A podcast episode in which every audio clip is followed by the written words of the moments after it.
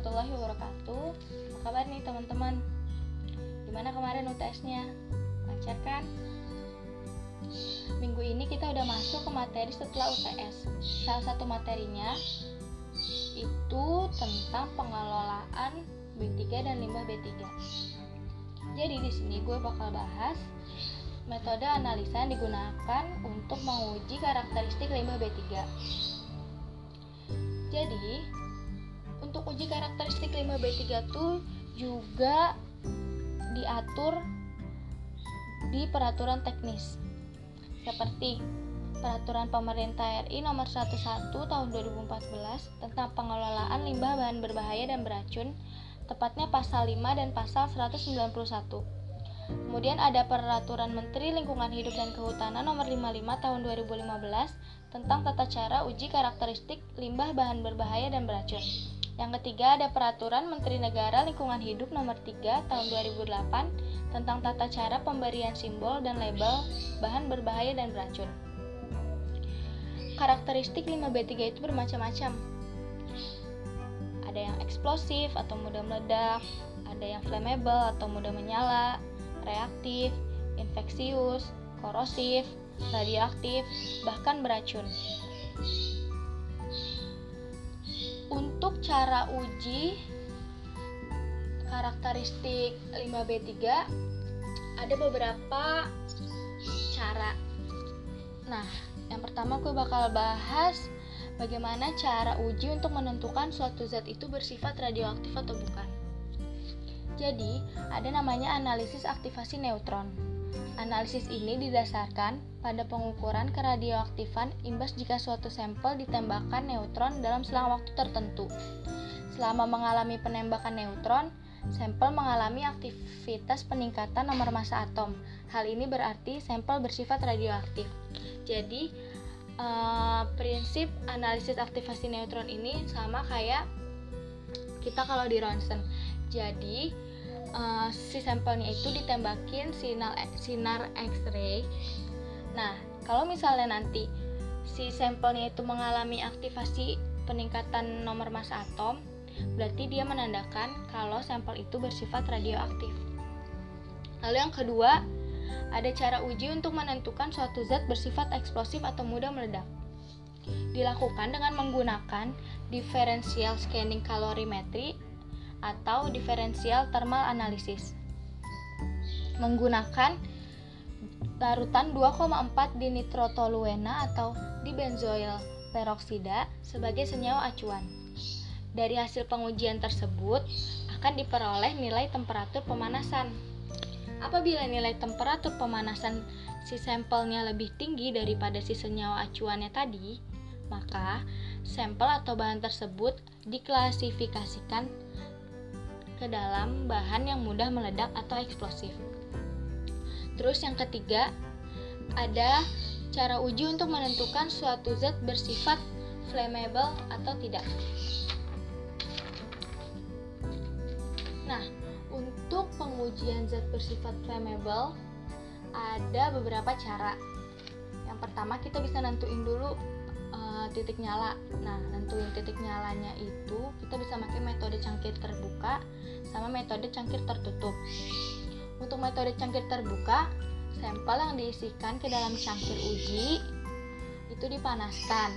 Lalu flash point yang diukur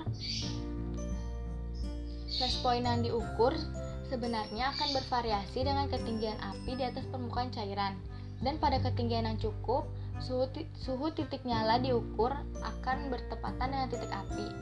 Nah, peningkatan suhu akan menyebabkan bahan kimia mulai menghasilkan uap yang mudah terbakar. Uap yang mudah terbakar itu secara terus-menerus akan dicatat sebagai titik bakar. Lalu ada metode cangkir tertutup dengan cara memanaskan contoh yang ditempatkan dalam cawan dengan kecepatan pemanasan yang tetap, yaitu 5-6 derajat Celcius per menit. Kemudian ada cara uji untuk uh, bahan yang padat. Itu dengan cara set a close cup flash point test. Nah, pengujian ini diujikan untuk e, bahan padatan. Jika hasil pengujiannya didapatkan titik nyala kurang dari 40 derajat, maka menandakan bahwa bahan tersebut termasuk ke bahan yang mudah terbakar. Lalu ada close up test. Close up test ini untuk pengujian bahan berupa cairan yang mengandung alkohol kurang dari 24% dan titik nyala tidak lebih dari 60 derajat Celcius. Next yang keempat ada cara untuk menentukan suatu zat bersifat reaktif. Untuk pengujian bahan padat dilakukan dengan metode uji pembakaran menggunakan amonium persulfat sebagai senyawa standar. Sedangkan pada pengujian bahan cair kita tinggal mengganti senyawa standarnya dengan larutan asam nitrat. Suatu bahan dinyatakan sebagai pengoksidasi atau bersifat reaktif apabila waktu pembakaran bahan tersebut sama atau lebih pendek dari waktu pembakaran senyawa standar. Jadi, senyawa standar kita bakar dan kita lihat waktunya Begitupun dengan sampel, sampel pun kita bakar dan kita lihat waktu pembakarannya. Apabila si waktu pembakaran sampel itu sama atau lebih pendek dari waktu pembakaran senyawa standar, maka si si sampel itu bisa dikatakan bersifat reaktif. Kemudian ada cara untuk menentukan suatu zat bersifat beracun. Ada tiga cara nih. Yang pertama, pengujian TCLP. Apa sih TCLP? TCLP itu singkatan dari Toxicity Characteristic Leaching Procedure. Pengujian TCLP ini dilakukan dengan cara menghancurkan suatu sampel yang telah disolidifikasi dan diayak dengan ukuran 9,5 mikrometer. Pengujian TCLP ini e, menggunakan metode ekstraksi. Nah, Pemilihan larutan ekstraksi ditentukan berdasarkan pH dari larutan yang berasal dari pengocokan 5 gram padatan dan 96,5 mili aquades. Larutan hasil pengocokan kemudian dilakukan penyaringan. Hasil saringan dianalisa menggunakan spektrofotometer serapan atom. Nah, nilai TCLP yang didapat nanti dibandingkan dengan baku mutu nilai TCLP. Ada baku mutu nilai TCLP yang pertama ada TCLPA dan ada TCLPB. Kemudian yang kedua ada uji toksikologi LD50. Uji ini menggunakan hewan uji sebagai percobaannya. Limbah diidentifikasi sebagai limbah B3 kategori 1 jika nilai LD50-nya kurang dari atau sama dengan 50 mg per kilogram dari berat badan hewan uji. Lalu limbah diidentifikasi sebagai limbah B3 kategori 2 jika nilai LD50 lebih dari 5000 mg per kilogram berat badan hewan uji. Lalu yang ketiga ada uji subkronis. Limbah diidentifikasi sebagai limbah B3 kategori 2 jika uji toksikologi subkronis pada hewan uji mencit selama 90 hari menunjukkan sifat racun subkronis. Uji ini dilakukan dengan memberikan bahan tersebut berulang-ulang, biasanya setiap hari atau lima kali dalam seminggu selama jangka waktu kurang lebih 10% dari masa hidup hewan.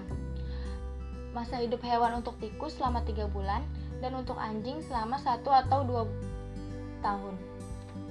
Biasanya pemberian zat kimia selama 14 dan 28 hari. Lalu ada cara untuk menentukan suatu zat bersifat korosif. Dilakukan dengan mencampurkan limbah dengan air sesuai dengan metode yang berlaku. Jika limbah mempunyai pH kurang dari atau sama dengan 2, maka sampel itu menandakan dia bersifat korosif yang uh, korosif yang asam. Uh, kalau dia lebih besar atau sama dengan 12,5 menandakan bahwa limbah tersebut bersifat korosif basah. Terus ada uji kekuatan tekan atau uji kuat tekan dan uji fine filter. Nah, apa sih gunanya uji kedua uji itu? Kalau uji kuat tekan digunakan untuk mengetahui mutu kuat tekan suatu bahan solidifikasi dengan satuan luas bidang tertentu. Kalau uji paint filter digunakan untuk mengetahui apakah ada cairan bebas setelah dilakukan proses solidifikasi limbah lumpur bor atau tidak. Jika masih terdapat cairan bebas, maka paving block atau produk tersebut tidak tidak layak untuk digunakan. Lalu ada uji proximat. Nah, nilai proximat ini diujikan untuk apa sih? Dan kenapa jika nilai kadar abu rendah atau tinggi, kadar volatil rendah atau tinggi, efeknya apa ke limbah B3? Jadi, nilai proximat ini diujikan untuk menentukan persentase kadar air, kadar volatil, kadar abu, dan kadar karbon tetap yang ada di dalam atau yang terkandung pada limbah B3. Tinggi rendahnya kadar abu yang terdapat pada limbah menunjukkan besarnya residu dan menyulitkan perlakuan pengangkatan dan penyimpanan residu tersebut, sehingga membutuhkan dana pengolahan limbah yang besar. Sedangkan Semakin tinggi kadar volatil pada suatu limbah, maka semakin mudah material tersebut untuk terbakar dan menyala, sehingga laju pembakarannya semakin cepat. Kalau semakin besar nilai kadar air, maka semakin kecil nilai kalor yang ada. Sehingga apabila suatu limbah B3 mempunyai persentase kadar air yang tinggi, dapat dikatakan bahwa limbah tersebut tidak mudah terbakar. Nah, jadi gitu teman-teman. Ada beberapa cara yang bisa kita lakukan untuk tahu si limbah B3 yang ada di sekitar kita tuh sifatnya apa. Semoga bisa dimengerti ya. Maaf maaf bila ada salah-salah kata atau ada yang penjelasan yang gak jelas. Wassalamualaikum warahmatullahi wabarakatuh.